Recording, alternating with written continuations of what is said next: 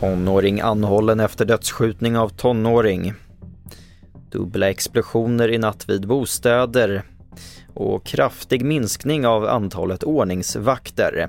Det är rubrikerna i TV4-nyheterna som börjar med att en tonåring i natt har anhållits efter dödsskjutningen av en annan tonåring vid en restaurang i Skogås söder om Stockholm igår kväll.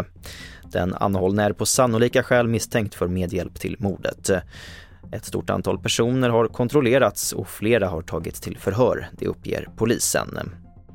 Och två explosioner har inträffat i Stockholmsområdet i natt. Det första larmet kom in vid kvart över två om en detonation vid en port till ett flerfamiljshus i Upplandsbro nordväst om Stockholm.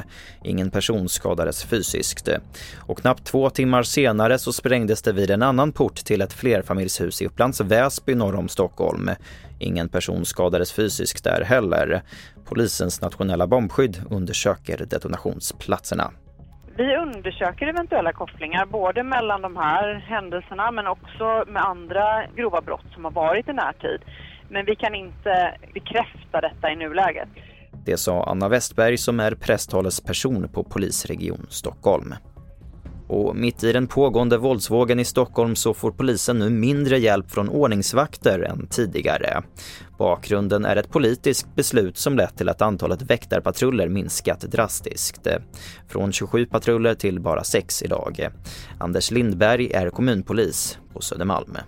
Ordningsvakterna har ju fyllt en, en viktig funktion med just deras förmåga till att vara kontinuerliga men också kunna agera självständigt mot ordningsstörningar och andra saker på platsen. Och till sist så kan vi berätta att regeringen avsätter 1,6 miljarder kronor till förlossnings och mödravård under 2023.